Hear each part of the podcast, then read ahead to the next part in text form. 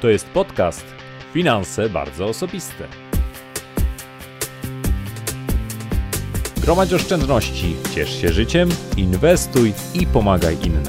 Ja się nazywam Marcin Ibuć, a Ty słuchasz właśnie audycji o zdrowym i sensownym podejściu do życia i pieniędzy. Zaczynamy! Cześć, witam Was bardzo serdecznie w 59. odcinku podcastu Finanse bardzo osobiste. No, dzisiaj mam dla Was bardzo ciekawy odcinek dotyczący inwestowania. Będzie bardzo merytorycznie, bo wspólnie z moim gościem rozłożymy na czynniki pierwsze sposób działania funduszy stabilnego wzrostu. To będzie niezwykle ciekawa rozmowa dla każdej osoby, która rozpoczyna lub kontynuuje swoją przygodę z inwestowaniem.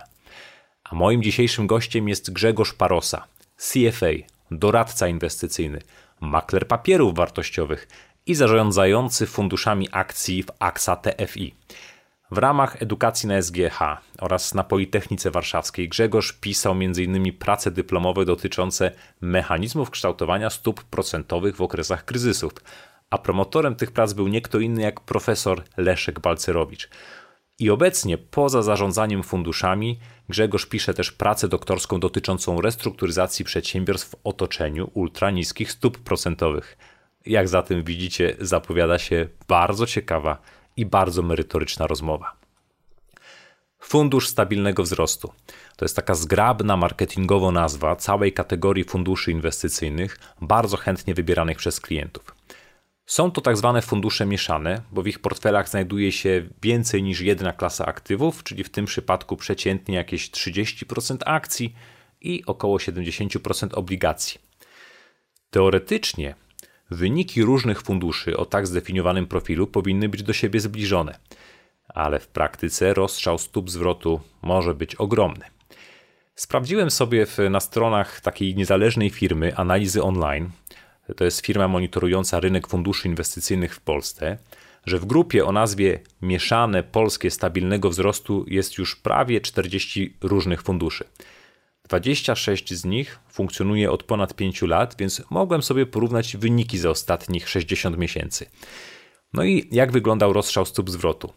Według wyceny na 31 sierpnia 2018 roku najlepszy fundusz przyniósł 51,5% zysku, drugi w kolejności 25,7% zysku, więc blisko dwukrotnie mniej, a ostatni, ten w okolicach 40 miejsca na przestrzeni 5 lat wygenerował stratę minus 5,4%. Jak to się dzieje, że w funduszach o podobnej nazwie wyniki tak mocno się różnią? Aby pomóc Wam w wyciągnięciu jak największej wartości z naszej rozmowy, wyjaśnię w tym wstępie, że różnice w wynikach to przede wszystkim efekt czterech elementów. Po pierwsze, decyzji alokacyjnych, zaraz powiem co to jest. Po drugie, skuteczności zarządzania portfelem akcji. Po trzecie, skuteczności zarządzania portfelem obligacji. No i po czwarte, wysokością opłat za zarządzanie. Jeśli chodzi o skuteczność decyzji alokacyjnych, to chodzi po prostu o to, ile w danym okresie w portfelu funduszu znajduje się akcji, a ile obligacji. Każdy fundusz stabilnego wzrostu ma zdefiniowane konkretne widełki, w których może się poruszać. No i te widełki w jednym funduszu mogą być szerokie, na przykład od 10 do 50%, a w innym znacznie węższe, na przykład od 20 do 40%. Teoretycznie więc jeden zarządzający może uznać, że dzisiaj jest dobry czas na trzymanie akcji w portfelu i mieć ich 50%, a inny, że to jest zły czas na trzymanie akcji w portfelu i może mieć ich tylko 10%. Oczywiście obaj nie mogą mieć racji w tym samym czasie, Stąd różna alokacja może prowadzić do dużych różnic w wynikach inwestycyjnych. Po drugie, skuteczność zarządzania częścią akcyjną portfela. W jednym funduszu będą to tylko akcje notowane na polskiej giełdzie i skład portfela będzie zbliżony do indeksu WIG. W innym mogą przeważać akcje małych i średnich spółek, w jeszcze innym mogą pojawiać się w znacznej ilości akcje notowane za granicą. I również ten wątek poruszymy dokładnie w naszej rozmowie.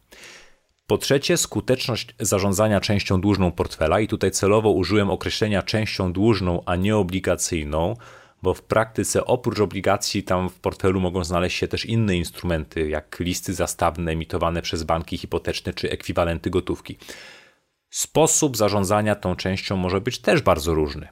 Ktoś wybierze obligacje długoterminowe, a ktoś inny krótkoterminowy. Jeden zarządzający skoncentruje się na obligacjach lokalnych, a inny doda do portfela nieco instrumentów zagranicznych, a jeszcze inny wykorzysta w portfelu dużo obligacji korporacyjnych. I o tym też sobie właśnie dokładnie porozmawiamy i wyjaśnimy to z moim gościem. No i wreszcie po czwarte, wysokość opłat za zarządzanie. To jest taki łatwy do przeoczenia, ale niezmiernie ważny element całej układanki. Przeciętna wysokość opłat za zarządzanie w funduszach stabilnego wzrostu w Polsce wynosi około 2,5% w skali roku. Oznacza to, że wynik wypracowany przez zarządzającego funduszem jest w każdym roku pomniejsza, pomniejszany o właśnie taką mniej więcej wartość. Więc w takim wielkim uproszczeniu, jeśli widzisz, że fundusz stabilnego wzrostu z opłatą za zarządzanie 2,5% osiągnął w danym roku stopę zwrotu na poziomie 5%, no to w praktyce zyski wyniosły 7,5%, ale mniej więcej 1 trzecią pochłonęła opłata za zarządzanie. I w ogóle opłaty w funduszach inwestycyjnych w Polsce należą do jednych z najwyższych na świecie. I właśnie odpowiedzią na to zjawisko jest fakt, że AXA TFI w ramach swojego IKSE udostępnia fundusze na zdecydowanie korzystniejszych warunkach. W ramach AXA TFI IKSE nabywamy tzw. Tak jednostkę e-funduszu, której opłata za zarządzanie wynosi 1,3% skali roku, czyli blisko połowę mniej niż przeciętna opłata w tej grupie funduszy. No dobrze. Myślę, że to wprowadzenie będzie dobrą bazą, dzięki której łatwiej będzie Wam wyciągnąć mnóstwo przydatnych informacji z samego wywiadu. Dla porządku przypomnę tylko, że ten podcast ma charakter czysto edukacyjny, że tłumaczymy w nim pewne mechanizmy, ale pod żadnym pozorem nie traktujcie tego proszę jako rekomendacji inwestycyjnej. Wszystkie decyzje zawsze podejmujcie po własnej analizie i pamiętajcie, że podejmujecie je na własną odpowiedzialność. No, a teraz już bardzo serdecznie zapraszam do wysłuchania naszej rozmowy.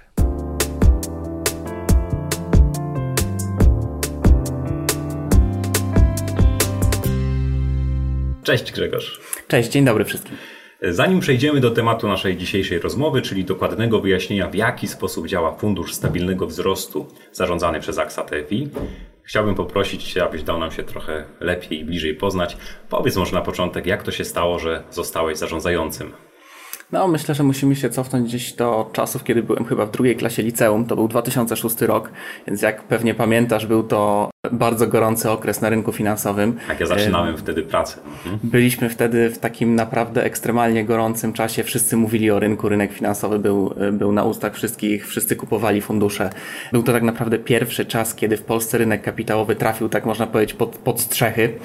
Więc też zacząłem się tym interesować. Nawet e, zacząłem inwestować jako inwestor indywidualny. Już w drugiej klasie liceum? Tak, w drugiej klasie liceum. Zresztą, musiała być miłość do rynków e, finansowych. Może była. E, moje ówczesne wczesne inwestycje są teraz częstym obiektem drwin wśród zespołu, więc, ale była to e, ciekawa lekcja.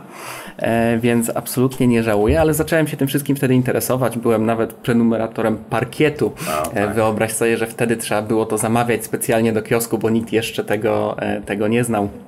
To zainteresowanie spowodowało też, zacząłem e, czytać trochę o samym rynku, dowiedziałem się o tym, że są licencje, jest licencja doradcy, licencja maklera, jest jakiś CFA, który jeszcze wtedy w Polsce też nie był czymś tak popularnym jak teraz, to był 2006 rok, zresztą wiesz, bo sam zdawałeś te tak. egzaminy dzięki temu, że czytałem o rynku, interesowałem się tym, udało mi się wygrać Olimpiadę Przedsiębiorczości. To dało mi indeks na SGH, więc zacząłem studia, które były bardzo kierunkowe.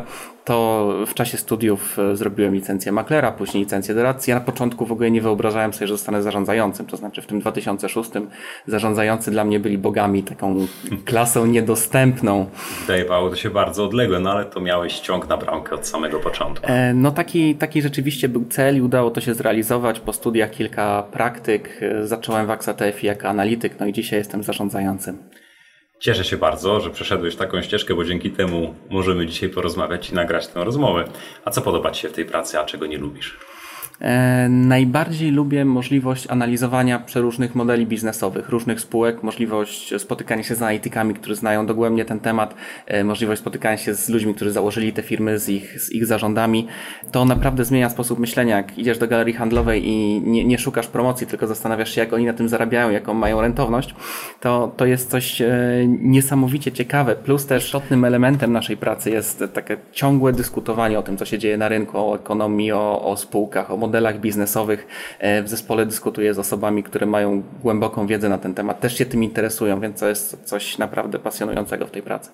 Czyli trzymacie rękę na pulsie, to Ci się podoba, a te wady pracy, wielki stres, nie śpisz po nocach, denerwujesz się, jak to wygląda? Znaczy, to jest mm, chyba największy problem tej pracy. To znaczy, trzeba być psychicznie gotowym e, na straty, bo niestety one zawsze przychodzą, czyli trzeba radzić sobie z tym, że czasem traci się pieniądze klientów. Jest to na pewno najtrudniejszy element tej pracy, ale to jest warunek konieczny być zarządzającym. To znaczy, jeżeli ktoś nie jest w stanie psychicznie sobie z tym poradzić, nie może pełnić takiej funkcji. Szczerze irytują mnie trochę inne rzeczy. To znaczy, najbardziej irytującą rzeczą w, tym, w tej pracy jest to, że nie ma bezpośredniego połączenia nakładu pracy z wynikiem. Aha. To znaczy często to, że bardzo dokładnie przeanalizujesz spółkę, że znajdziesz coś, czego nikt inny wcześniej nie znalazł, odkryjesz problem biznesowy, który wyjdzie na światło dzienne za kilka miesięcy, wcale nie oznacza, że na tym zarobisz. Dokładnie. Możesz mieć świetny proces, a rynek i tak robi swoje. Niestety e, to uczy gigantycznej pokory względem rynku. To znaczy bycie, e, można wiedzieć wszystko i naprawdę na tym nic nie zarobić. To jest, e, to, to jest irytujące i wymaga też specyficznego takiego nastawienia psychicznego, że po prostu większość rzeczy, które nas dotyka jest całkowicie losowa, a my jako zarządzający tylko nieznacznie przesuwamy ten balans losowości w stronę większych zysków.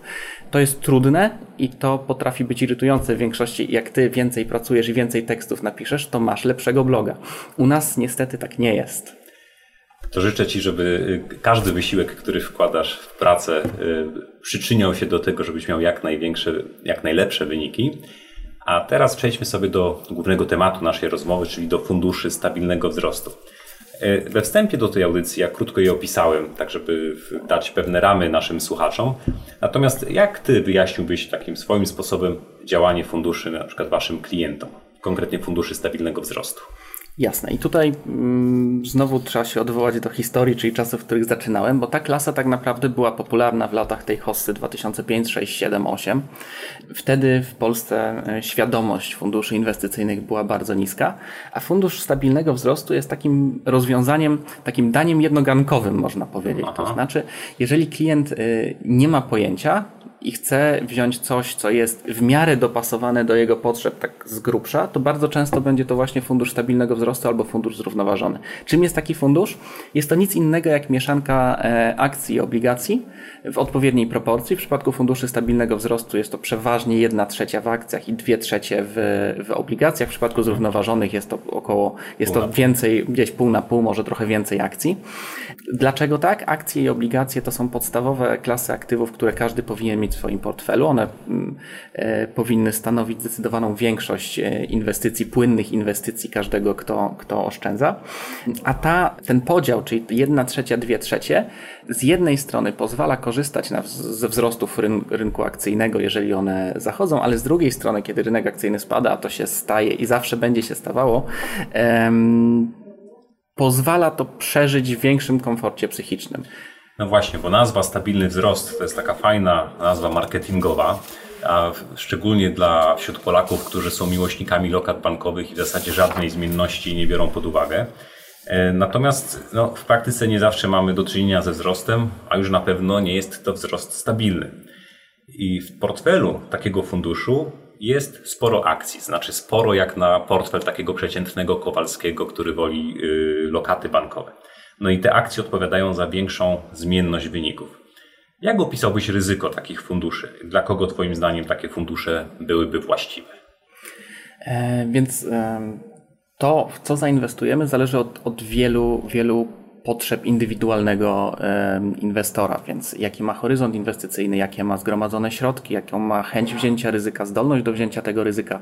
To wszystko są czynniki, które pozwolą dokładniej dobrać odpowiedni produkt. Stabilny wzrost to jest takie rozwiązanie środkowe, chociaż tak jak mówisz, najprawdopodobniej dla polskiego klienta jest to trochę bardziej ryzykowne niż to, czego by przeciętny klient oczekiwał. Bo przeciętny oczywiście oczekuje dużych zysków i braku ryzyka.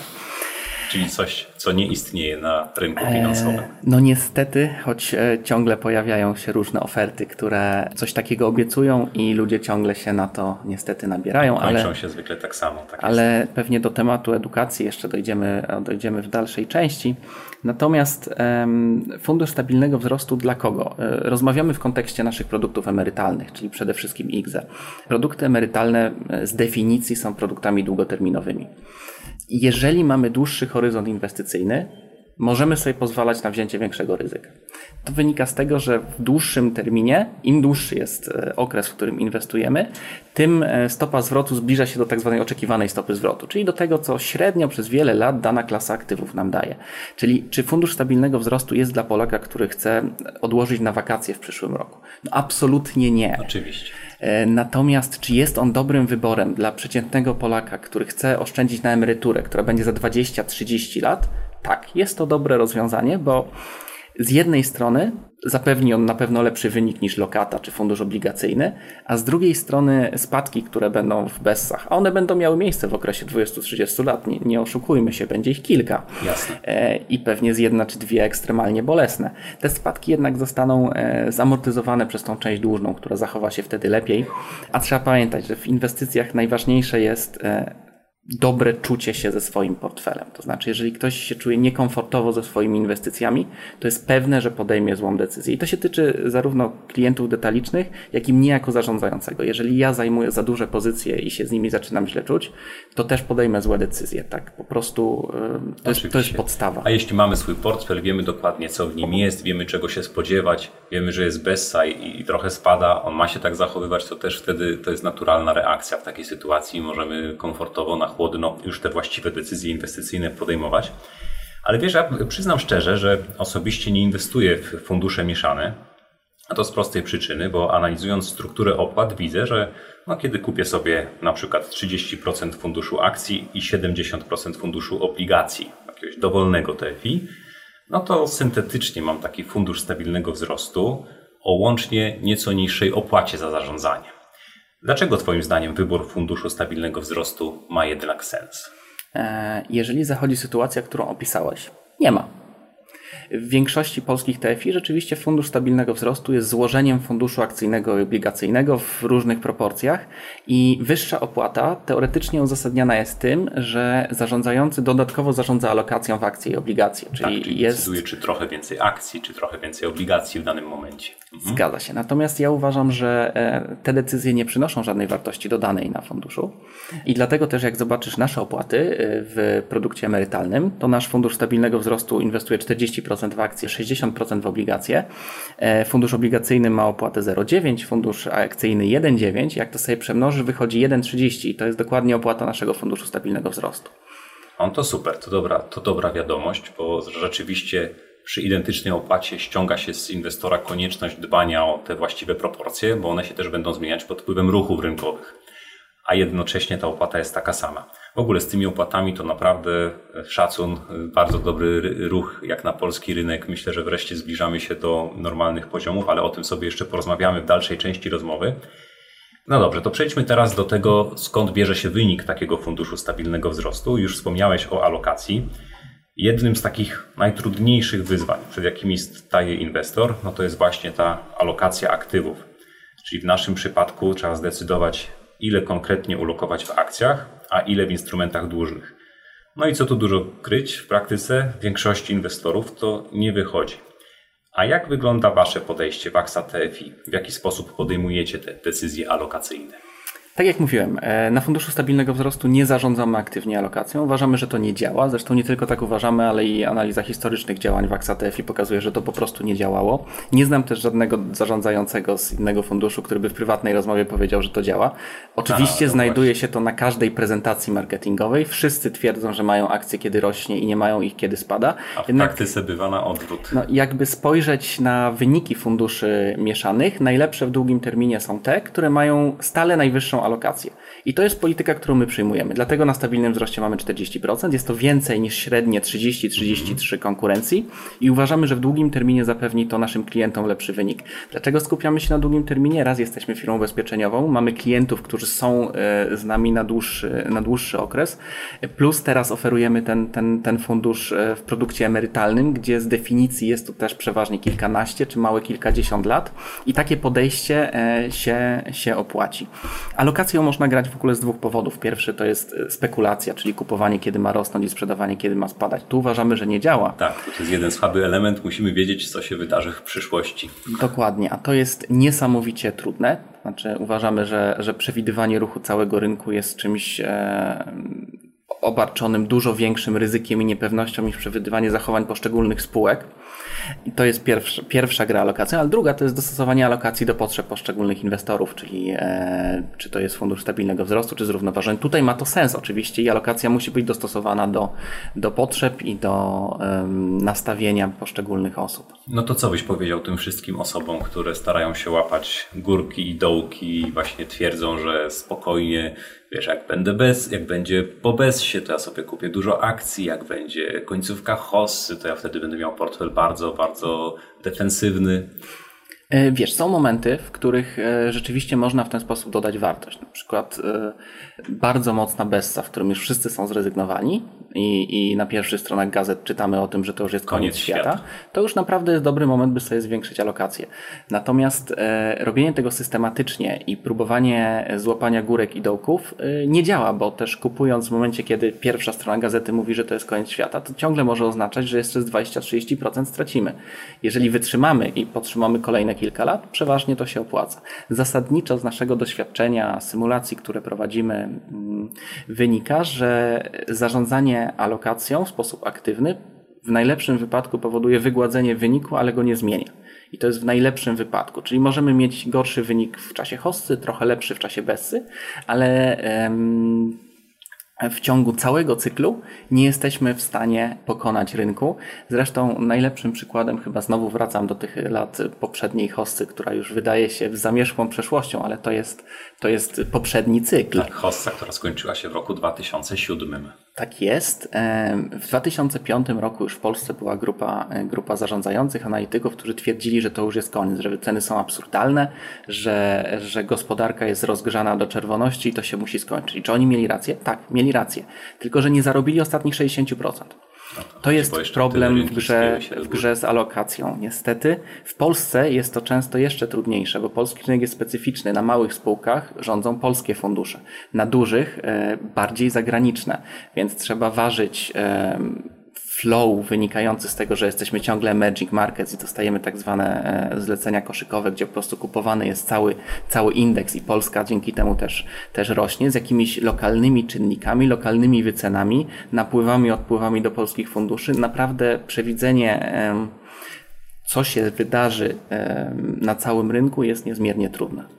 Czyli osobie, która chciałaby zbudować sobie swój portfel którym będzie trochę akcji, trochę obligacji. Jeśli dobrze rozumiem, nie radziłbyś prób przeważania się, niedoważania, tylko po prostu ustalenia pewnej stałej proporcji pomiędzy akcjami i obligacjami, proporcji, z którą czujemy się komfortowo i którą utrzymujemy konsekwentnie przez cały Zgadza się? Przede wszystkim, jeżeli horyzont inwestycyjny jest dłuższy.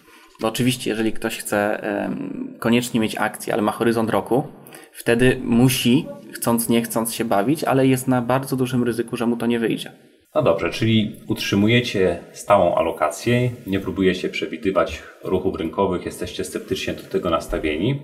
To przejdźmy teraz do poszczególnych składników portfela. Bardzo duży wpływ na wynik będzie miała skuteczność zarządzania częścią akcyjną. E, opowiedz proszę, co znajduje się w tej części portfela funduszu AXA stabilnego wzrostu, ile ta część wynosi, to już powiedziałeś 40%, ale jak wygląda zarządzanie tą częścią?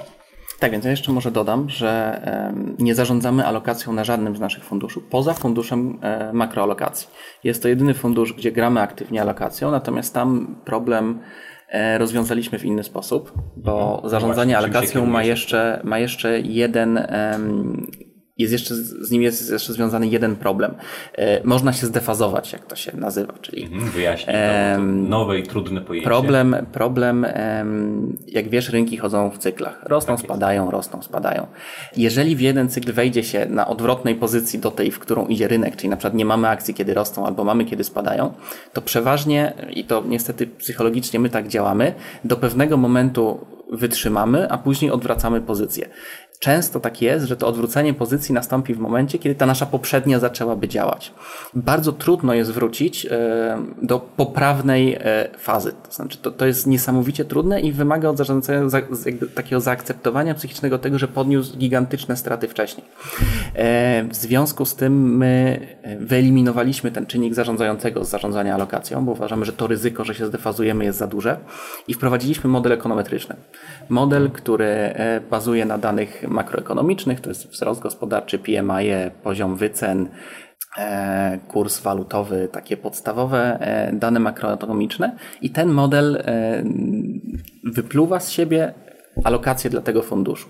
I na tym funduszu gramy z tym modelem. To znaczy okay. sami nie modyfikujemy, dzięki temu nie ma ryzyka zdefazowania się z rynkiem, bo model nie ma emocji. psychiki. Nie ma emocji. On zrobi to, co wyjdzie z danych i tyle. A my dzięki temu, że mamy postanowione, że działamy z tym modelem, też nie mamy problemu ze zmianami alokacji, nawet jeżeli gdyby to była dyskrecjonalna decyzja nas jako zarządzających, byłoby to y, niekomfortowe. No tak, bo wtedy czujesz się obciążony konsekwencjami decyzji, którą sam musisz podjąć, a tutaj można trochę w cudzysłowie zwalić na model. Dokładnie tak. No, niestety również my jako zarządzający musimy się komfortowo czuć naszymi pozycjami. Tutaj nie ma różnicy pomiędzy zarządzającym a klientem detalicznym. Ten model oczywiście nie powoduje, że my będziemy mieli 100% akcji w czasach, kiedy rosną i 0% akcji, kiedy spadają. Natomiast e, z symulacji już naszych doświadczeń, bo używamy go też od, od dość długiego czasu, wynika, że to jest 0 plus, czyli zmniejsza, e, zmniejsza zmienność jednocześnie dodając trochę do wyniku. Co jest dla nas satysfakcjonujące, bo w takim funduszu klient często oczekuje zmniejszenia zmienności i takiego wygłodzenia wyniku. I to, to się rzeczywiście dzieje e, dzięki temu modelowi. A jak z tymi akcjami w takim razie? Co jest w tym portfelu w części akcyjnej funduszu Aksa Stabilnego Wzrostu? Tak, więc już mówiłem, że nasz fundusz ma opłatę tak, jakbyśmy składali fundusz akcyjny, obligacyjny, ale nie jest złożeniem tych funduszy. Hmm? No właśnie, tutaj tylko może uzupełnię, że bardzo często jest tak, że dany fundusz stabilnego wzrostu czy fundusz zrównoważony jest po prostu czystą kalką dwóch oddzielnych funduszy, które dane TFI prowadzi, czyli funduszu akcji a druga część funduszu obligacji. W Waszym przypadku działa to, rozumiem, nieco inaczej. Zgadza się. To wynika z, jeszcze z historii. Niestety, jak gra się tą samą strategię na każdym funduszu, tak ta strategia nie działa, to wszystkie fundusze mają słaby wynik. I wtedy klienci w ramach parasola nie mają nawet gdzie uciekać, bo wszędzie nie wchodzi. A każda strategia ma słabsze okresy, tego się nie da uniknąć. Więc mniej więcej 3 lata temu w AXATF zmieniliśmy podejście. Każdy nasz fundusz, który ma cząstkę akcyjną, gra na tej części akcyjnej inną strategię. To są wszystko strategie, które są w długim terminie wygrywającymi, natomiast yy, są rozłączne. Czyli jedna może mieć świetny rok teraz, a druga może mieć teraz najgorszy dziesięciolecia. Dzięki temu każdy nasz fundusz jest inny, mamy ciekawszą i szerszą ofertę. Fundusz stabilnego wzrostu w części akcyjnej realizuje tak zwaną strategię value. Value, ok, to wyjaśnijmy o co chodzi. Fundusz inwestuje w spółki nisko wycenione. Czyli value, czyli wartość z tak. Dokładnie. Czyli tutaj nie patrzymy na to, by spółka szybko rosła, e, miała atrakcyjny biznes model. Patrzymy na to, żeby była bardzo nisko wyceniona. Są to często spółki, które są po problemach, są w nieatrakcyjnych sektorach. Czyli e, budujemy portfel, który no, nie wydaje się powiedzmy seksowny. Czyli to jest takie podejście Benjamina Grahama, inteligentny inwestor, trochę coś w tym kierunku? E, powiedziałbym, że bardziej agresywnie w stronę e, takich historii restrukturyzacyjnych i mhm. tak dalej. Więc e, bo tam jest jednak patrzenie na, na wartość w kontekście wartości, e, czyli wzrostu za racjonalną cenę. My tutaj akceptujemy spółki, które nie rosną, a nawet się kurczą, ale jest to wycenione za bardzo w, e, w wycenie. Rozumiem, czyli wasz model wyceny pokazuje, że spółka powinna mieć wartość wyższą, ona na rynku notowana jest niżej. Uważacie, że ta spółka ma szansę prosperować za jakiś czas, czy działać w biznesie odpowiednio długo, nawet jeśli się kurczy, ale ze względu na to, że jest nisko wyceniona, jest dla niej miejsce w portfelu.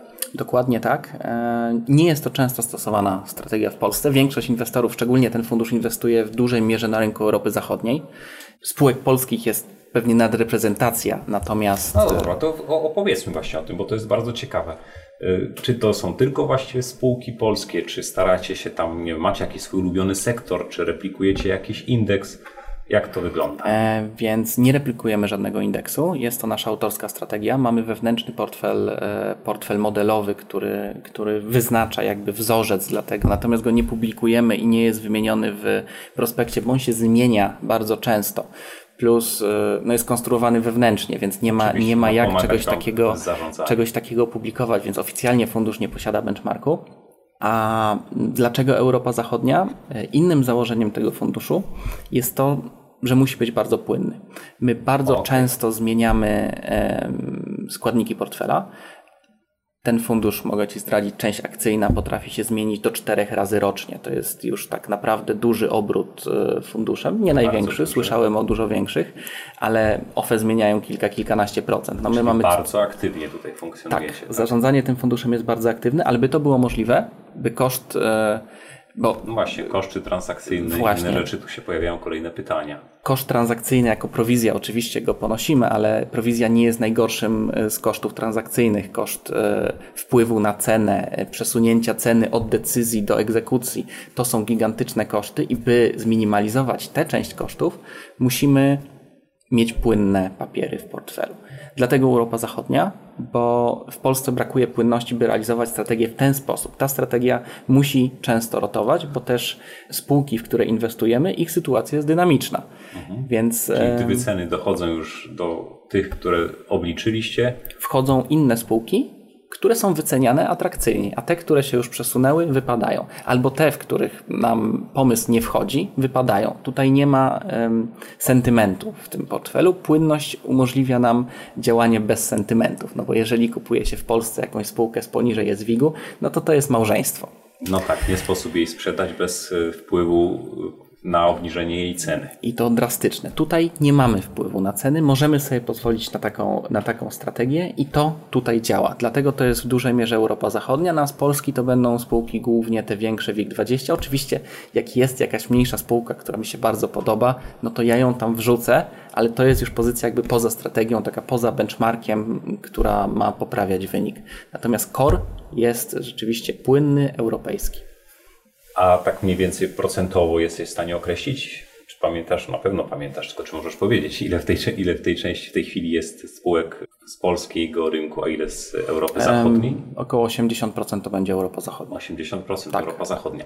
No to tutaj od razu pojawia się pytanie o ryzyko walutowe zabezpieczamy całość ryzyka walutowego, mhm. biorąc pod uwagę różnice stóp procentowych między Polską a strefą euro. Zarabiamy na tym jeszcze dodatkowo, bo to zabezpieczenie e, z niższej stopy na wyższą powoduje, że, że, że generujemy dodatnią, e, dodatni przepływ. Nie chcemy wystawiać naszych klientów na ryzyko walutowe, więc tak naprawdę wszystkie nasze fundusze mają zabezpieczone ryzyko walutowe. No to rzeczywiście ciekawe i odmienne od wielu innych funduszy stabilnego wzrostu podejście do części akcyjnej. To teraz w analogiczny sposób porozmawiajmy o części dłużnej, tej dużo większej. Jakbyś też zechciał powiedzieć trochę, co możemy znaleźć w tej części portfela w funduszu AXA stabilnego wzrostu i jak wygląda zarządzanie tą częścią. Tutaj nie ma takich fajerwerków. Uważamy, że prawie całą zmienność i prawie cały wynik i tak będzie robiła część akcyjna. Nie chcemy robić wyniku na długu, więc nie bierzemy tam nadmiernego ryzyka. Czyli część dłużna to jest taka poduszka bezpieczeństwa tak. w funduszu. Dokładnie tak. Strategia akcyjna na tym funduszu jest strategią agresywną. Ona ma większą zmienność niż typowa strategia e, kupowania WIG-u E, czy spółek z polskiego indeksu, a w szczególności generuje bardzo dużą zmienność do konkurencyjnych rozwiązań, bo tak. mamy bardzo małe wspólne pokrycie portfeli. Co za tym idzie, nie chcemy dodawać kolejnego stopnia zwiększania zmienności i, i, i ryzyka poprzez e, branie niepotrzebnego ryzyka na długu. Więc część dłużna to jest tak naprawdę złożenie naszego funduszu aksa obligacji mhm. i trochę aksa obligacji korporacyjnych. Dobra, to w jakich proporcjach i co znajduje się w każdym z tych składników? Więc tak, w części dłużnej około. Jeszcze tylko jedno zdanie. Złożenie funduszy, ale to nie znaczy oczywiście, że inwestujecie w fundusze, tylko że portfel jest podobny. podobny. Mhm. Dokładnie tak. Nie, nie, inwestujemy w ramach tej strategii w żadne fundusze, inne fundusze inwestycyjne. Tutaj są tylko akcje, obligacje, bezpośrednio papiery. Aksa obligacji to jest nasz fundusz polskich obligacji skarbowych. Jest to fundusz inwestujący prawie tylko w obligacje skarbowe i takie najbardziej bezpieczne obligacje korporacyjne, jakieś certyfikaty depozytowe banków, czy, czy obligacje korporacyjne typu energetyka, mhm. największe spółki. Duration 3, więc taki typowy fundusz, e, fundusz e, obligacji. Zaraz opowiemy o duration, co to jest. Mhm. Dobrze. A fundusz obligacji korporacyjnych jest to fundusz, który już bierze trochę więcej ryzyka. On inwestuje w obligacje przedsiębiorstw. Natomiast e, tutaj muszę, musisz zrozumieć nasze podejście do obligacji korporacyjnych, no które właśnie, jest, co to są za obligacje? Bo... Jest ekstremalnie konserwatywne Czyli nasze podejście powoduje, że tak naprawdę brakuje dla nas obligacji, by zbudować ten fundusz, tak, tak szczerze Ci powiem, bo polski rynek obligacji korporacyjnych niestety jest bardzo płytki, jest bardzo mało dobrych emisji, dużych, płynnych e, nie ma prawie wcale. My nie uważamy, że jesteśmy funduszem, który jest w stanie e, finansować małe spółki, obejmować większość ich długu, więc nas, nas interesuje tylko takie czyste podejście inwestora finansowego, więc to są spółki z WIG-20, może z MWIG-u, jakieś bardzo wybiórcze. Ale czy są to obligacje korporacyjne tylko z Polski, czy również sięgacie gdzieś po jakieś e, emisje zagraniczne? Bezpośrednio nie inwestujemy w zagraniczne obligacje korporacyjne, choć oczywiście jak spojrzysz na rozbicie portfela mogą się pojawić, bo często polskie spółki inwestują przez wehikuły w innych krajach. Mhm. Natomiast bezpośrednio nie musimy też tego robić bo jak wiesz, AXA jest e, globalnym asset managerem. E, my w Polsce jesteśmy naprawdę nieistotną częścią tego wszystkiego i mamy dostęp e, do funduszy inwestycyjnych grupy AXA w tym funduszy inwestujących w obligacje korporacyjne na świecie i mamy do nich dostęp na opłatach no, bardzo niskich i korzystnych. Kupujecie już konkretnie fragment zdywersyfikowanego portfela obligacji notowanych na rynkach zagranicznych to są takie obligacje, nie wiem, o ratingach inwestycyjnych, czy też obligacje mamy typu dostęp, high yield? E, mamy dostęp do funduszy e, różnych, czyli od high yieldy europejskie, high yieldy amerykańskie, globalne, e, do obligacji korporacyjnych investment grade. Zresztą fundusz amerykańskich obligacji investment grade uruchomiliśmy. Jest dostępny w naszym parasolu SFIO. Jest to chyba pierwszy tego typu fundusz w Polsce.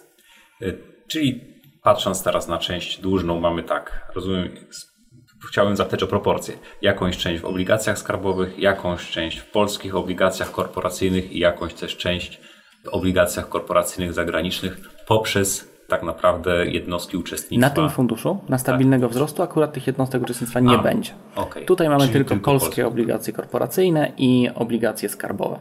Rozumiem. Czyli tamte jednostki funduszy to w waszym osobnym obligacji zielonym korporacyjnych one się obligacji, obligacji korporacyjnych.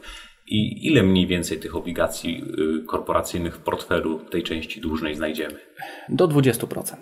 Ok, czyli 80% części dłużnej to są obligacje Skarbu Państwa. Tak. To skoro rozmawiamy o obligacjach, no to ma być ta poduszka bezpieczeństwa, ale wiadomo, nie ma inwestycji bez ryzyka.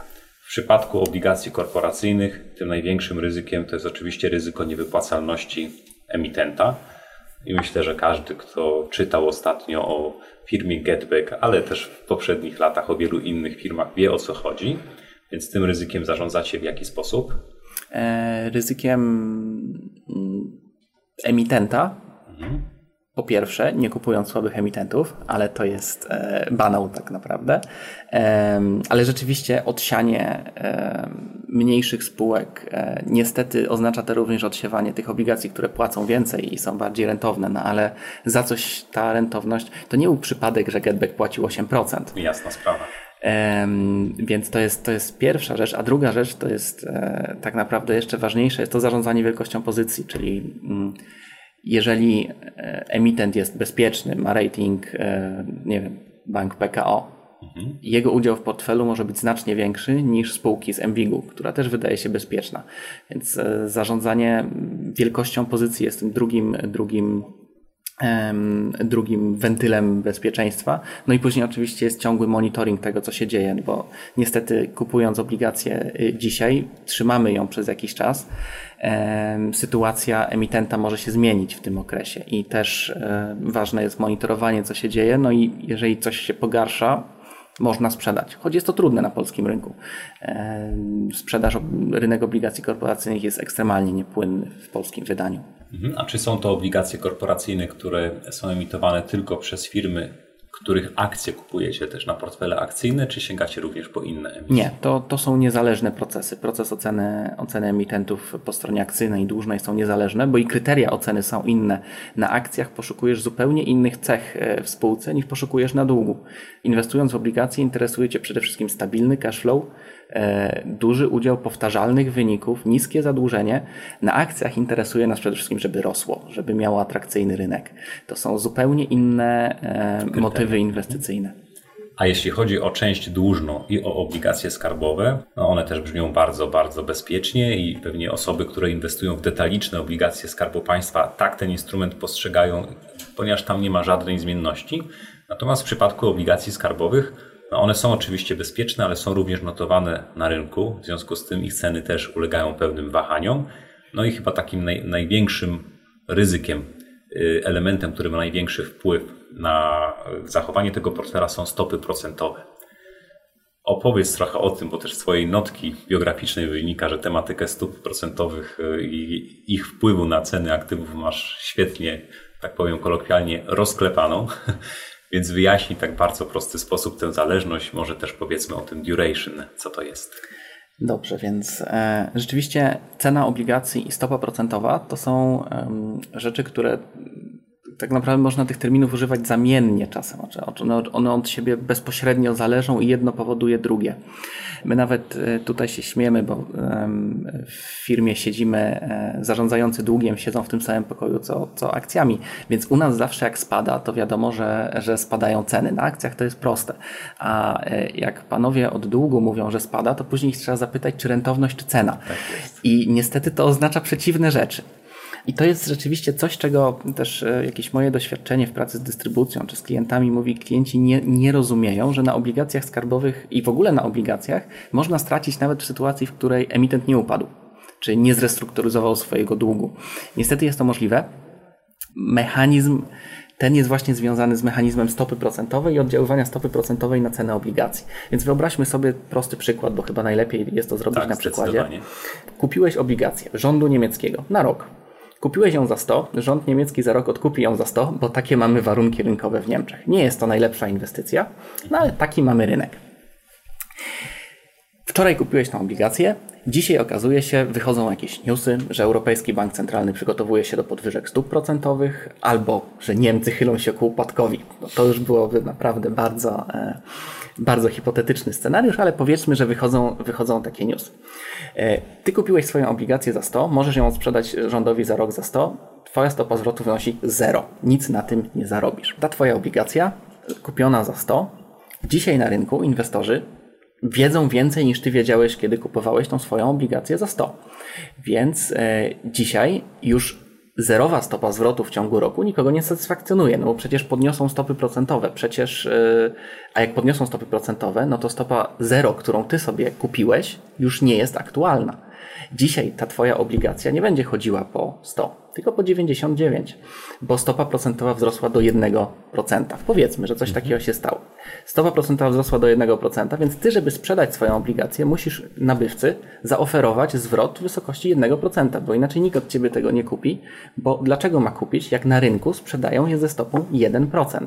Więc twoja obligacja nie jest warta już 100, jest warta 99. Rząd niemiecki nie zbankrutował, po prostu zmieniła się roczna stopa procentowa. Czyli w przypadku notowanych obligacji zawsze mamy taką sytuację, że kiedy tak naprawdę rentowność, ale upraszczając, kiedy stopy procentowe idą do góry, to cena obligacji będzie spadała. Zgadza się. I to jest e, też bardzo istotne, by, by zrozumieć, że jak chcemy mieć obligacje, kiedy stopy są wysokie, i będą spadać, nie chcemy, kiedy są niskie i będą rosnąć. To znaczy, nie chcemy mieć w okresie wzrostowym, chcemy mieć w okresie spadkowym, bo wtedy zarabiamy więcej. Z tego też wynika e, różnica w wynikach funduszy inwestycyjnych dłużnych w stosunku do rentowności obligacji skarbowych, jakie w danym momencie są, bo mieliśmy wiele lat, w których jesteśmy po okresie bardzo mocnych spadków rentowności obligacji, kiedy rentowność obligacji rządowej była 3%, ale fundusze oferowały 7-8%. To właśnie wynika z tego, że w międzyczasie na to 3 to my spadliśmy z 5.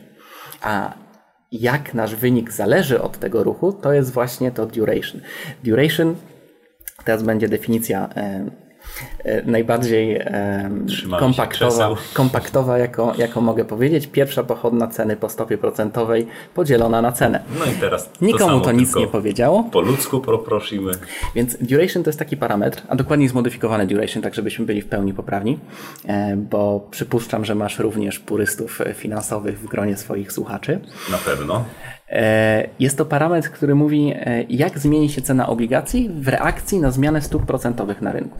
Czyli wrócimy do tego naszego przykładu z obligacją, która kosztowała 100, którą kupiłeś za 100 i rząd chciał od ciebie odkupić za 100. Kiedy stopa procentowa wzrosła o 1%, ta twoja obligacja musi kosztować 99. No około, wiadomo, że to nie jest dokładnie, ale 99. Czyli stopa o 1% w górę, cena obligacji o 1%, o 1% w dół. w dół. To oznacza, że duration tej obligacji wynosi 1. E, czyli przełożenie jakby zmiany stopy na zmianę e, ceny obligacji jest 1 do 1. Czyli gdyby stopy wzrosły o 2 punkty procentowe, cena obligacji powinna wtedy spaść o 2%. Zgadza się, ale teraz wydłużmy Twoją inwestycję w tą cudowną obligację rządową z roku do dwóch. Czyli teraz nie masz prawa, e, rząd niemiecki nie odkupi od ciebie tej obligacji za rok, odkupi za dwa.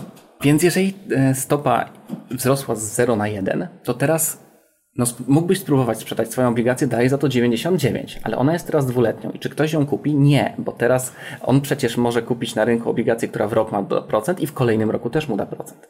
Więc twoja obligacja już nie pójdzie za 99, za 98, bo musisz dać 2% zysku. Oczywiście tu zakładamy, że ta obligacja nie wypłaca odsetek w międzyczasie. E, to też jest upraszczające założenie, ale takie obligacje istnieją, nazywają się zrekuponowymi. Czyli w dużym uproszczeniu, jeżeli słyszymy, że duration portfela czy obligacji wynosi 2, to możemy sobie to przekładać na takie zrozumienie tematu, że jeśli stopy procentowe wzrosną nam o 1%, to cena takich, takiej obligacji spadnie o 2%.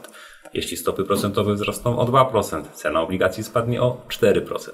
Przy duration 3 przemnażamy sobie zmianę stóp razy 3, żeby wiedzieć, jaki będzie wpływ na stopę. Przy duration 4 razy 4 to jest oczywiście uproszczenie, ale w bardzo dobry sposób oddające to, w którym kierunku. Jest to uproszczenie, ale ono nam pokazuje um, większość ryzyka, jakie bierzemy inwestując w obligacje skarbowe. E, polskie fundusze mają przeważnie duration na poziomie 3-3,5 więc też e, można już oszacować, jaki jest wpływ zmian stóp procentowych na zachowanie inwestycji. Oczywiście zakładając brak reakcji zarządzającego i jest tu wiele założeń, ale zasada jest taka, najważniejsze, żeby pamiętać, rosnące stopy to spadające e, zyski z obligacji. No właśnie, wspomniałeś o tym, że fajnie jest mieć obligacje wtedy, kiedy stopy są wysoko i będą spadać niefajnie jest mieć obligacje, kiedy stopy są nisko i będą rosnąć. No a teraz jesteśmy w takiej sytuacji, że jednak stopy są na rekordowo niskich poziomach i to pomimo pędzącej gospodarki. Co się robi w takiej sytuacji, kiedy zarządza się portfelem obligacyjnym? Oczywiście to zależy, jakie są nasze oczekiwania co do dalszego kształtowania się stóp procentowych. Natomiast rzeczywiście teraz są bardzo niskie, więc e, w takiej sytuacji typowym podejściem jest pierwsze skrócenie duration portfela, czyli zmniejszenie swojej ekspozycji na wzrost e, stóp procentowych. Jak to bo, się robi? A jak to się robi? Sprzedaje się te obligacje, które zapadają za 10 lat i kupuje się takie, które zapadają e, za rok, dwa. Plus e, mamy też na rynku tak zwane obligacje zmiennokuponowe, czyli obligacje, których cena nie zależy albo prawie nie zależy od ruchów stóp procentowych i one też pozwalają zabezpieczać się przez takim ryzykiem. Rozwiązaniem też są obligacje korporacyjne, które na polskim rynku bardzo często też mają charakter zmiennokuponowy, więc one nie zależą od wahań stóp procentowych. No myślę, że przekazaliśmy właśnie naszym słuchaczom ogromną dawkę wiedzy. Ja to jeszcze wszystko zbiorę, podsumuję. W notatkach y, do tego odcinka podcastu i w takim wstępie to wszystko też tłumaczymy, bo bardzo zależy mi, żebyście naprawdę świetnie zrozumieli, jak ten konkretny fundusz aksa stabilnego wzrostu działa, co jest w portfelu, czego można się po nim spodziewać. Tak, jeszcze właśnie pytanie Teraz mamy też bardzo ciekawą sytuację na rynku, bo e, dla tych osób, które będą słuchały tego za jakiś czas, e, nagrywamy rozmowę we wrześniu 2018 roku. I sytuacja w Polsce wygląda tak, że gospodarka pędzi, jest to z pewnością dojrzała faza cyklu gospodarczego. I zwykle w takich momentach no, rośnie inflacja i stopy procentowe powinny iść do góry, a jednak tak nie jest. Stopy są na rekordowo niskich poziomach. Z czego to Twoim zdaniem wynika i jak długo może potrwać? To jak długo może potrwać, to już trochę poruszyliśmy, mówiąc o tym, co się działo w 2005, 2006 i 2007, czyli jesteśmy już w takim momencie cyklu, w którym e, coraz więcej osób zaczyna mówić, że to już jest koniec. I teraz e, któraś z tych osób powie to w odpowiednim momencie, no i stanie się górą na następny tak. cykl. E, natomiast obecnie tym, którzy mówili, jeszcze nie wyszło. Miało się już kończyć w zeszłym roku, miało się już kończyć w tym roku. Nic takiego się nie dzieje. Niestety to jest największa największa trudność w ogóle w zarządzaniu właśnie nie polega na tym, by zdiagnozować problem, tylko e, przewidzieć, kiedy pacjent umrze. A to są zupełnie inne, inne tematy. To znaczy, ja miałem wiele sytuacji, w których miałem rację, ale na tym straciłem. I to jest niestety taka sytuacja. To, to się zresztą wiąże z zarządzaniem alokacją. Jakbyśmy wiedzieli, kiedy to się skończy, no to Zarządzanie alokacją byśmy, proste. tak, byłoby to bardzo proste i byśmy oczywiście sprzedali dzień wcześniej wszystkie akcje. Niestety tak to, tak to nie działa. Mamy wiele czynników, które mówią, że zbliżamy się do końca, czyli gospodarki już nie rosną szybciej, gdzieś się stabilizują, nawet zaczynają lekko spowalniać, oczywiście spowalniać w swoim wzroście to. Surowce są wyżej, dolar jest wysoko Wskaźniki wyprzedzające e, wydają się już spadać, chociaż z rekordowych poziomów, poziomów, które zresztą miały miejsce gdzieś tam w 2006 roku e, i te krzywe wyglądają bardzo, bardzo podobnie. Stopy procentowe rosną. Płynność światowa, czyli to, ile banki światowe dodrukowują pieniędzy, e, zaczyna się kończyć. Więc y, Te mamy... stopy procentowe rosną na świecie, bo w Polsce tego jeszcze nie w Polsce, w Polsce stoją w miejscu, ale my nie żyjemy w próżni. To się będzie musiało zacząć dziać najprawdopodobniej. Dlaczego jeszcze teraz w Polsce nie rosną? No bo też tak bardzo nie spadły. Polska nie dołączyła do grona krajów, które obniżyły stopę do zera, więc też nie musi tak gwałtownie reagować w sytuacji, kiedy sytuacja już jest lepsza. To znaczy my nie musimy nadganiać. My zaczynamy od 1,5, a nie od zera. Natomiast i tak mamy teraz bardzo ciekawą sytuację, bo stopy stopy procentowe w Polsce są niższe niż w Stanach Zjednoczonych. Jest to pierwszy raz w historii, kiedy jeden z czynników wyznaczających kraje rozwinięte wychodzi, że jesteśmy przed Stanami. Jest, jest to e, bardzo ciekawy moment, no ale też trzeba pamiętać, że my jesteśmy bardziej powiązani z Unią Europejską niż Stanami Zjednoczonymi. W Unii Europejskiej stopy ciągle wynoszą zero, e, więc e, tutaj też nie działamy. Myślę, że Nasza Rada Polityki Pieniężnej ma dość duży komfort, bo z jednej strony e, Europejski Bank Centralny jeszcze nie wykonuje żadnych ruchów na stopie procentowej, a z drugiej strony inflacji ciągle nie ma.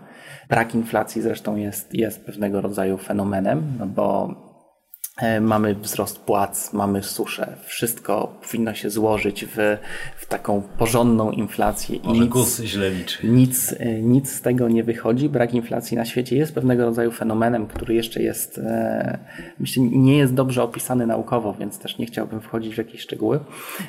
Na pewno Chiny mają tutaj dużo do powiedzenia, które trzymają poziom cen globalnych na, na, na rozsądnym poziomie. poziomie. Na pewno też nie bez znaczenia są też surowce, które, e, które co prawda drożeją, ale nie w takim stopniu, jak to miało miejsce w poprzednich cyklach, więc to też e, trzyma inflację nisko. No i wreszcie na całym świecie ten, ten, ten popyt e, nie jest tak duży, jak był. To znaczy, wiele krajów zachodnich się starzeje, nawyki konsumpcyjne się zmieniają. To też ma znaczenie dla cen. Więc jest, jest to ciekawy fenomen. I zobaczymy, jak się to wszystko potoczy. A jakie są Twoje takie prywatne oczekiwania dotyczące rozwoju sytuacji na rynkach finansowych w najbliższych latach? I uśmiecham się, bo wiadomo, że przewidywanie przyszłości jest bardzo, bardzo trudne, ale wiesz, to jest bardzo częste pytanie zadawane przez wiele osób. Czy Twoim zdaniem to dobry czas na inwestowanie? Zawsze jest dobry czas na inwestowanie a przede wszystkim na oszczędzanie, ale żeby oszczędzać tak naprawdę zawsze trzeba gdzieś te pieniądze zainwestować, no bo pod materacem to nie jest dobry pomysł. Zresztą to też nie chroni tych środków przed zawirowaniami na rynkach. Więc e, oszczędzać warto zawsze. Ponieważ rozmawiamy w kontekście produktów emerytalnych, to ja powiem w jaki sposób ja oszczędzam na emeryturę. O, super.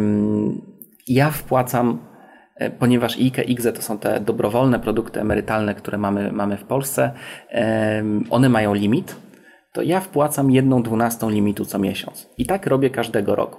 Dzięki temu e, zawirowania na rynku mnie jakoś specjalnie nie dotykają, bo ja kupuję zarówno w dołkach, jak i na górkach. To znaczy mam, mam część kupioną bardzo tanio, mam część kupioną bardzo drogo.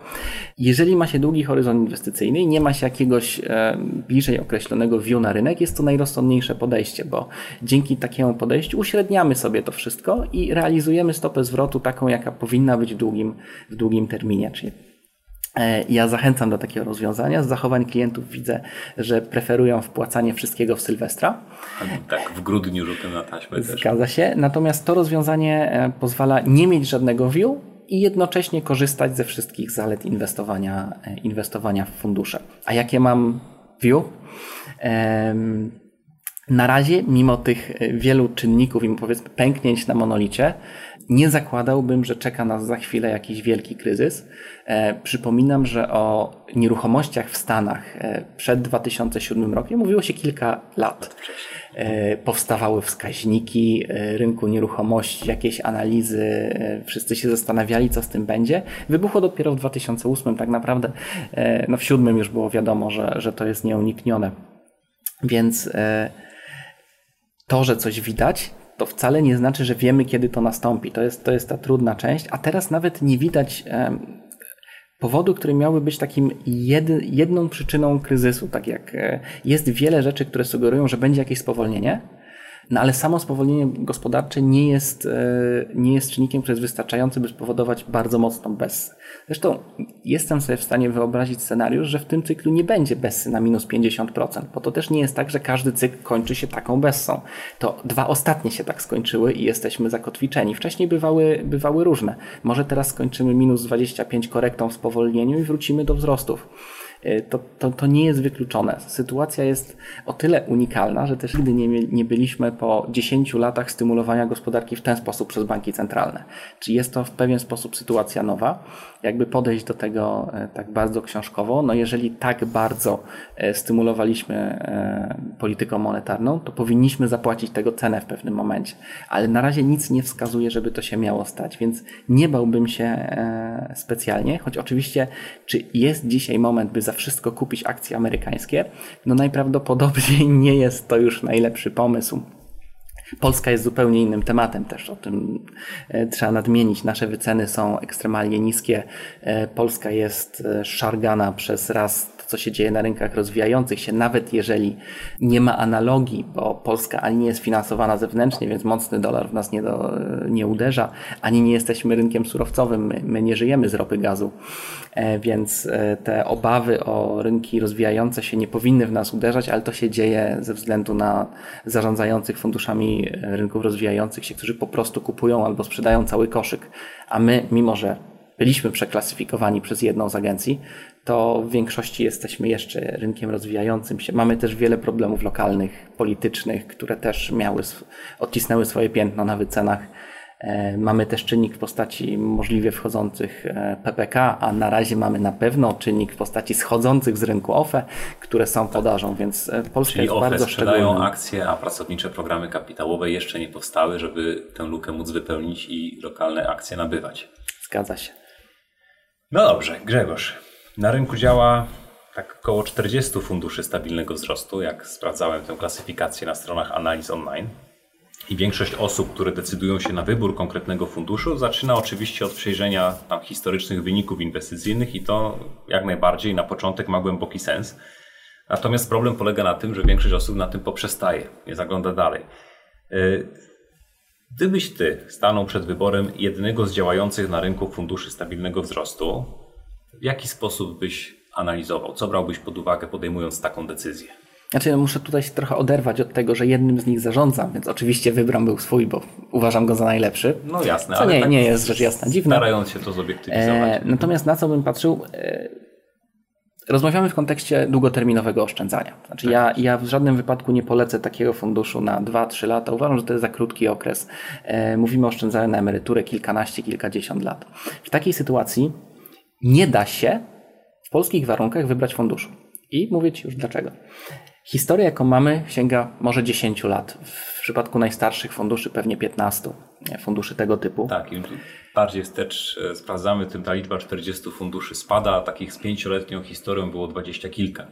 E, w tym rzecz i e, dodatkowo to nie są te same fundusze w czasie. W międzyczasie zmieniali się zarządzający. W Polsce, jak zarządzający zarządza jednym funduszem dłużej niż 5 lat, to już jest naprawdę dobry Długo wynik. na. E, Te fundusze w międzyczasie zmieniały strategię wielokrotnie, więc ocenianie ich wyników w takim okresie też nie ma sensu, bo to jest ocenianie złożonych kilku ze sobą funduszy.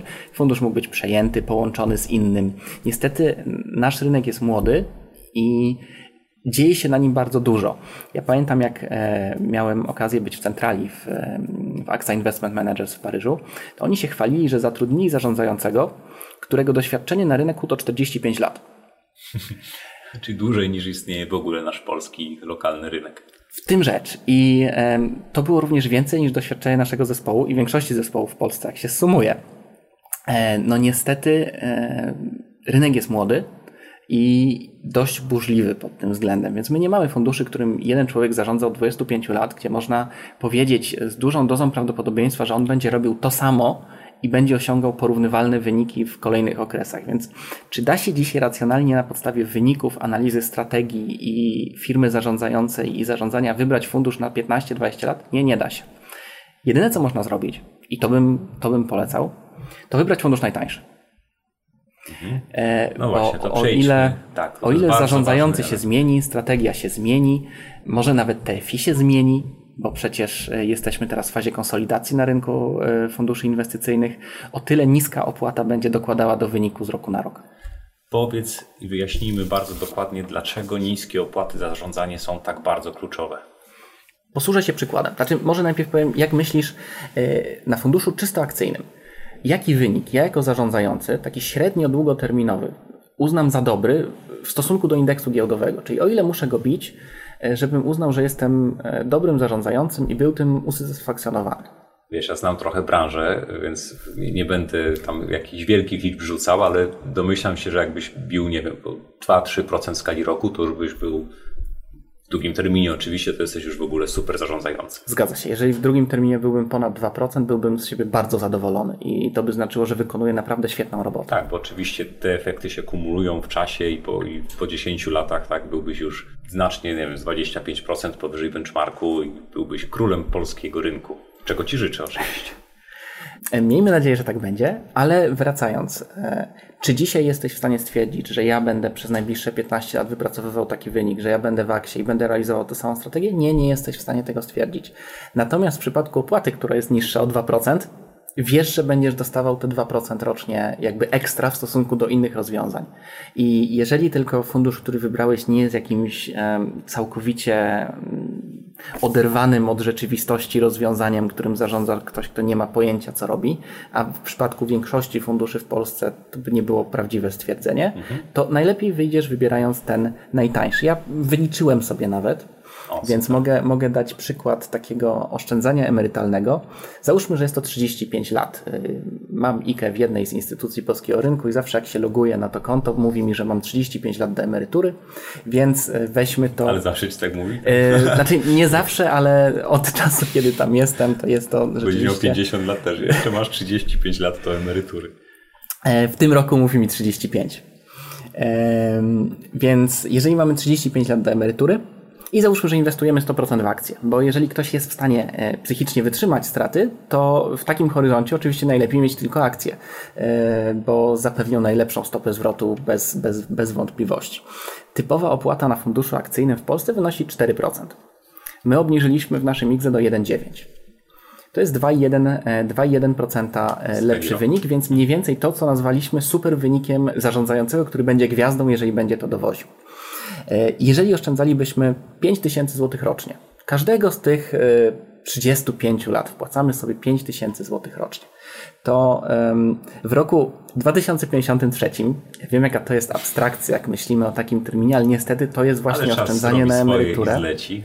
Gdybyśmy inwestowali w fundusz akcyjny na pełnej opłacie, czyli na 4% i zarabiali 7% rocznie na akcjach, co jest takim w miarę racjonalnym założeniem, zakłada się, e, widziałem, że ty w jakichś wyliczeniach zakładałeś chyba 6,5, więc to są mniej więcej takie założenia, jakie, jakie stosujemy na rynku. Mielibyśmy 302 tysiące złotych odłożone.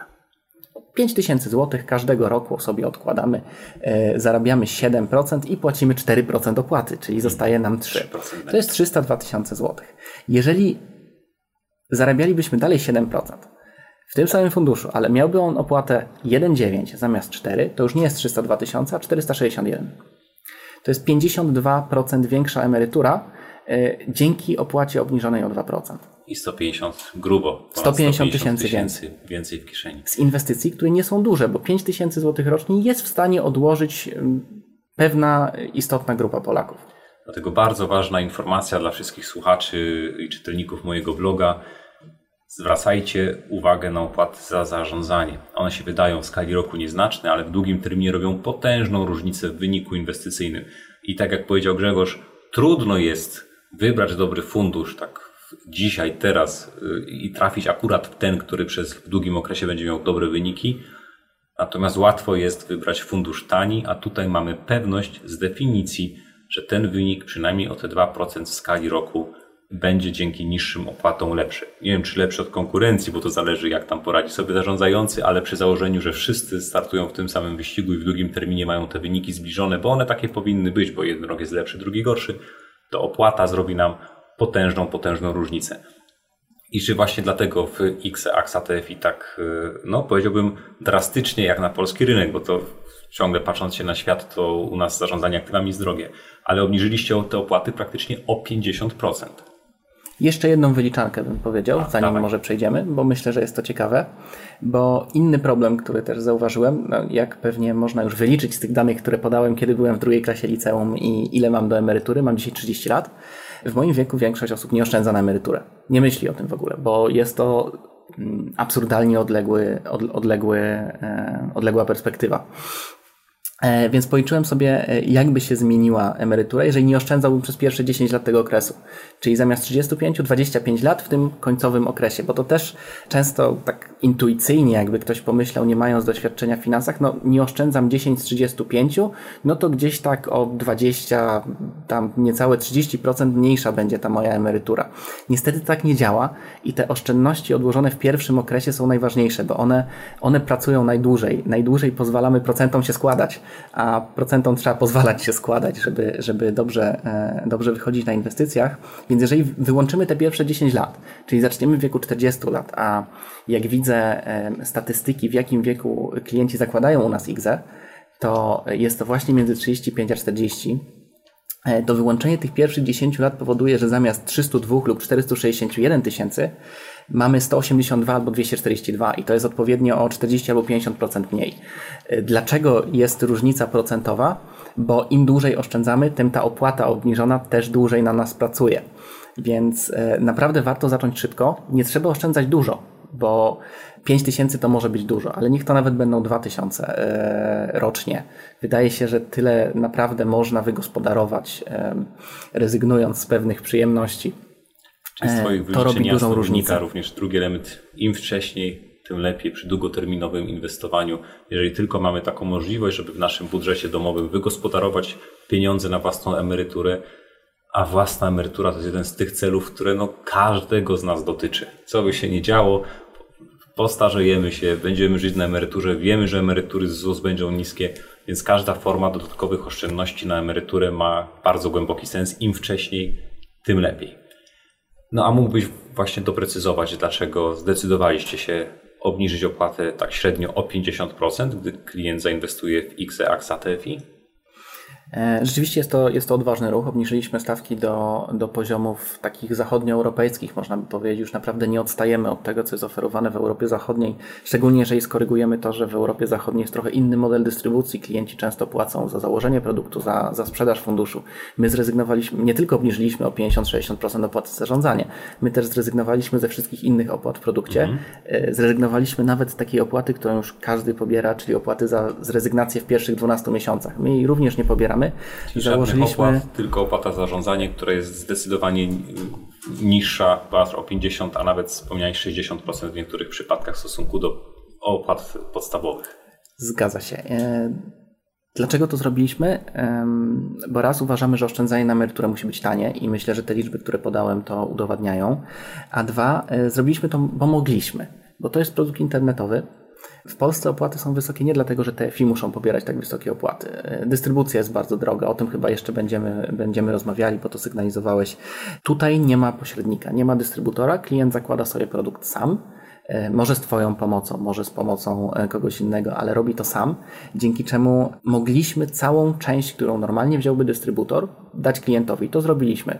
Całą część opłat, którą zwyczajowo przekazywalibyśmy dystrybutorowi, bo to jest właśnie taka część opłat, o której mówimy, tak, my obniżyliśmy. Mniej więcej połowa, przynajmniej połowa opłaty za zarządzanie zwykle wędruje do kieszeni dystrybutora. To, e, dystrybutora, od, od, czyli banku, firmy ubezpieczeniowej, czy pośrednika, doradcy finansowego, tak, który sprzedaje tak. fundusze. My to wszystko oddajemy klientowi w zamian za to, że sam siebie obsłuży przez internet. Dodatkowo to jest produkt emerytalny, produkt długoterminowy, którym za wpłaty każdą wpłatę można sobie odpisywać od podstawy opodatkowania, więc tutaj mamy e, pewien bodziec dla klientów, by wpłacali regularnie i by nie wypłacali tych środków przed 65 rokiem życia, bo jak to zrobią wcześniej, stracą te wszystkie e, korzyści podatkowe, które wcześniej sobie wypłacili. Wypłata środków z IGZE wiąże się z koniecznością zapłaty podatku w wysokości tej stopy podatkowej, w której aktualnie się znajdujemy. Tak, chyba że wypłaci się to w 65 tak roku jest. życia, wtedy jest to tylko 10% i wtedy X jest bardzo korzystne, bo sobie odpisujemy 18 albo 32 każdego roku, a płacimy 10 na końcu. Tylko trzeba dotrwać. Dzięki temu mechanizmowi możemy liczyć na to, że nasza relacja z klientami będzie długoterminowa. Bo nie okłamujmy się, gdyby klienci nam wchodzili do X na rok albo na dwa, to byśmy na tym tracili. E, ten produkt jest rentowny w długim terminie, nie jest wysoko rentowny, ale stwierdziliśmy, że trzeba coś zmienić na polskim rynku, który trochę zastał się w tych wysokich opłatach i to było, była nasza odpowiedź. Grzegorz, bardzo serdecznie dziękuję Ci za poświęcony czas, za imponujące przygotowanie. Słyszeliście ten szelest kartek w trakcie, to tutaj mieliśmy właśnie różne materiały, którymi wspieraliśmy się w czasie tej rozmowy. Powiedz mi, czy w razie czego, jakby były jakieś pytania, na przykład ty mógłbyś odpowiadać w komentarzu pod tym? Mógłbym. Tak? Tak. Myślę, że bardzo wiele kwestii poruszyliśmy, na wiele pytań już odpowiedzieliśmy, ale jeżeli mielibyście jeszcze jakiekolwiek pytania do Grzegorza, to zachęcam serdecznie, możecie zadać je w komentarzu pod notatkami do tego odcinka podcastu. Grzegorz obiecał mi, że o ile nie będzie końca świata na giełdach, to z przyjemnością na te pytania odpowie, więc zachęcam do tego bardzo serdecznie. Dziękuję Ci, Grzegorz. Moim gościem był Grzegorz Parosa. Również dziękuję bardzo za, za rozmowę. Mam nadzieję, że to się przysłuży Twoim e, słuchaczom, czytelnikom.